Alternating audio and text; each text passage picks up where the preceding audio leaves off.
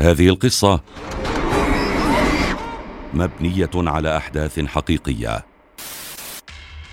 الموقع الجانب المظلم من الإنترنت. العصابة أكبر شبكات الإتجار بالقصر في العالم. الضحايا قاصرين أي أولاد تحت السن القانوني. العملية استغلال جنسي. تعذيب وقتل.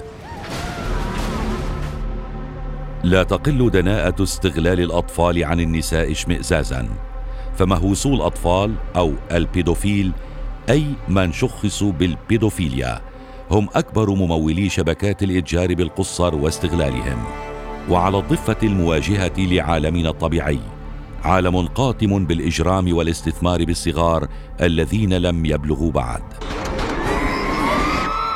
وبكثرة وجود المهووسين والمرضى النفسيين الذين يستمتعون بمشاهدة الأطفال يغتصبوا ويعذبوا تنشط سوق تأمين طلبات أولئك الزبائن المنحرفين. يقع الأجانب والنازحين بمختلف البلدان تحت رحمة فرق تختص بالاحتيال والاختطاف ويصحبون إلى أماكن سرية تجري فيها عمليات التعذيب والاغتصاب. تدفع أموال خيالية من قبل الزبائن كي يحصلوا على تغطية خاصة للفظائع التي سيتعرض لها الطفل المختار. ضرب بأدوات حادة خرز وإيذاء جسدي يرعب الكبار فما بالكم من الآلام التي يعاني منها المعنف؟ بحسب طلب المشترك تلبى رغباته فخيارات عديدة متاحة. اغتصاب جماعي تلبية طلبات جنسية منحرفة. المزيد من التعذيب الجسدي. صور ترسل لحساب طالب الاشتراك وغيرها من الأفعال الجنسية المتطرفة.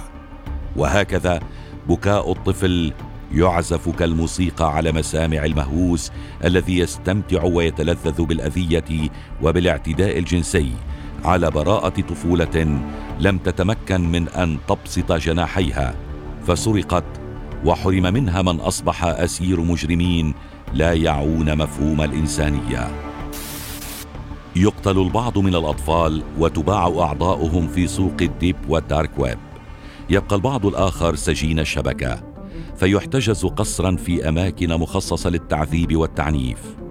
تبث عمليات التعذيب والاعتداءات مباشرة من غرف حمراء إلى شاشات المرضى النفسيين وتحفظ الفيديوهات التي توثق كل ذلك بين أيدي المسؤولين بالشبكة تهديدا وتمهيدا لاستثمارها من خلال بيعها لزبائن آخرين.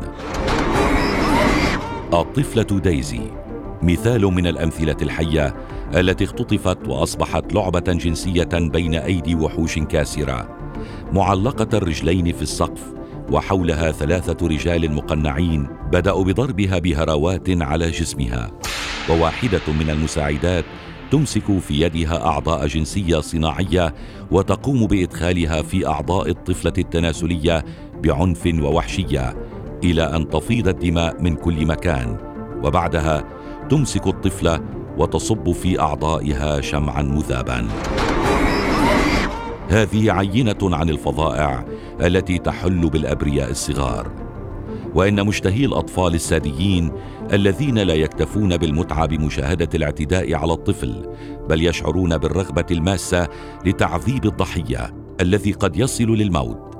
حتى إن بعض المشاهدين يصلون إلى نقطة عدم التصديق بأن ما يشاهدوه نقلا حيا. عالم مقزز من الإنترنت يشكل ارضا خصبة للاستثمار ببراءة ونقاوة أطفال كثر.